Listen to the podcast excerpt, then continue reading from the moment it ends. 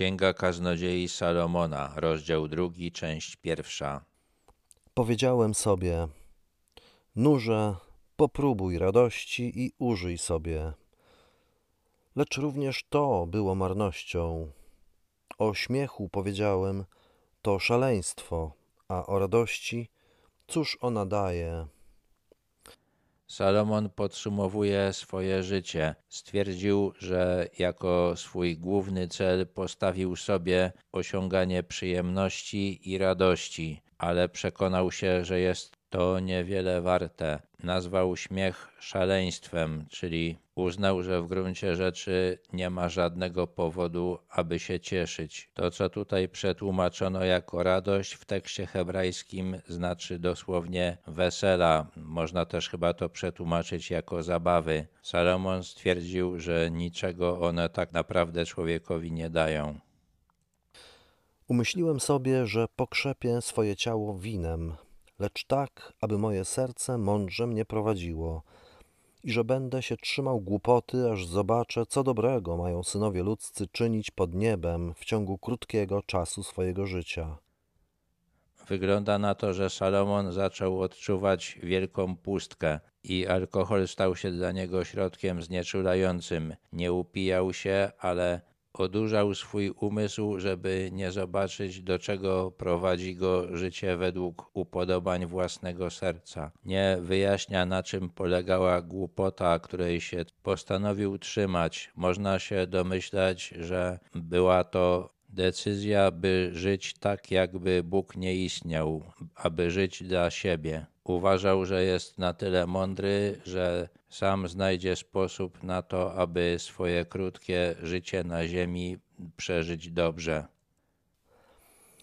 Podjąłem wielkie dzieła, wybudowałem sobie domy, zasadziłem sobie winnice, założyłem sobie ogrody i parki i zasadziłem w nich różnego rodzaju drzewa owocowe.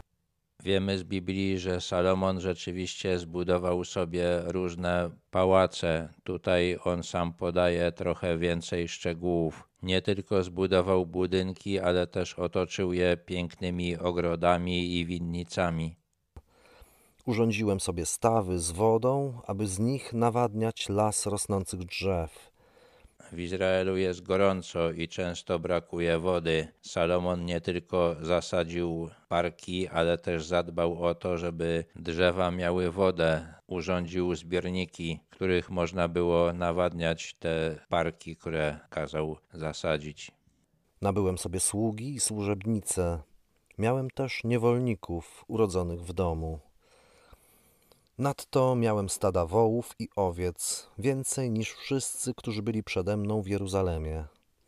Miał wielu niewolników, a celem ich wszystkich było dogadzanie królowi. Pasterstwo było wtedy głównym zajęciem Żydów. Ilość wołów i owiec była miarą sukcesu życiowego, więc Salomon postarał się aby mieć więcej wołów i owiec niż poprzedni władcy Jerozolimy, czyli na pewno Dawid, jego ojciec i Saul, a być może także władcy pogańscy, którzy panowali w tym mieście wcześniej. Nagromadziłem sobie też srebra i złota, nadto skarbów królów i krajów. Wystarałem się o śpiewaków i śpiewaczki i o to, czym synowie ludcy się rozkoszują mnóstwo kobiet. Najbardziej uniwersalną miarą życiowego sukcesu w świecie bez Boga jest ilość szlachetnych metali, które człowiek zgromadził. Salomon miał bardzo dużo srebra i złota. Miał też przeróżne skarby królów i krain, czyli różne niezwykłe rzeczy, o których się dowiadywał i które sprowadzał z różnych krajów. Najwidoczniej lubił muzykę, bo sprowadził sobie wielu śpiewaków i wiele śpiewaczek. Sprowadził sobie też mnóstwo kobiet, z którymi współżył. Wiemy, że było ich około tysiąca. I tak stałem się wielki i przewyższałem wszystkich, którzy byli przede mną w Jeruzalemie. Nadto pozostała mi mądrość. Po ludzku rzecz biorąc, Salomon miał bardzo udane życie. Ludzie ciągle ze sobą współzawodniczą, wymyślają różne konkurencje, w których chcą przewyższyć innych. I Salomon we wszystkich tych konkurencjach wygrywał. Zbudował najwspanialsze domy, zgromadził największe skarby, miał najpiękniejsze żony i w dodatku jeszcze był najmądrzejszy i niczego, czego tylko zapragnęły moje oczy, nie odmawiałem im. Nie wzbraniałem mojemu sercu żadnego wesela. Owszem, moje serce radowało się z wszelkiego mojego trudu. I taka była moja nagroda za wszelki mój trud. Jeżeli Salomon tylko zapragnął czegoś osiągnąć, to osiągał to coś. Wymagało to wysiłku i chętnie ten wysiłek podejmował, bo zawsze kończył się powodzeniem, a takie powodzenie było powodem do radości. Potem zwróciłem uwagę na wszystkie moje dzieła, których dokonały moje ręce, i na mój trud, który włożyłem w pracę.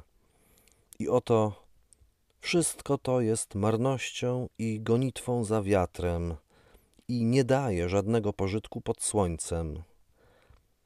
W końcu zaczął się przypatrywać temu, co osiągnął, zaczął oceniać to, co udało mu się zrobić i stwierdził, że chociaż osiągnął więcej niż ktokolwiek inny, to wcale go to nie cieszy. Wszystko, co osiągnął, jest marnością, czyli jest niewiele warte, nie ma z tego wielkiego pożytku. Wszystko to przeminie i nie ma sposobu, żeby powstrzymać to przemijanie, tak jak nie ma sposobu na zatrzymanie wiatru.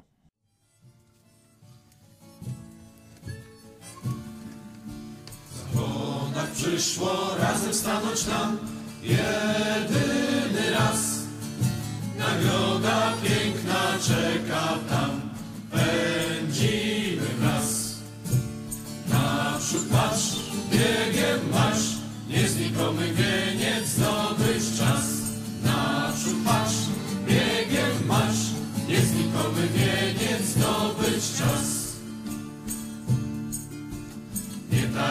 ślepy świat ku mecie gnaj, Jezusa znasz. Od winy wolny wszystko siebie daj, wszystko co masz. Naprzód patrz, biegiem masz, nieznikomy wieniec zdobyć czas. Naprzód patrz, biegiem masz, nieznikomy wieniec zdobyć czas. To życie to nie żart, to walki znój, na pięści walcz, na zawsze odrzuć grzechu gnój, Bóg tego wart. Naprzód patrz, biegiem masz, nieznikomy wieniec zdobyć czas. Naprzód patrz, biegiem masz, nieznikomy wieniec zdobyć czas. Przyjaciół w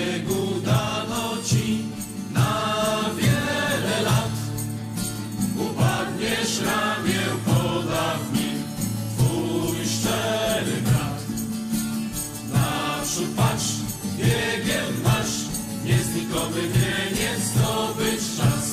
Naprzód patrz, biegiem masz, nieznikomy wieniec zdobyć czas. W przyszło bracia stanąć nam ten jeden raz. Sam Jezus da nagrodę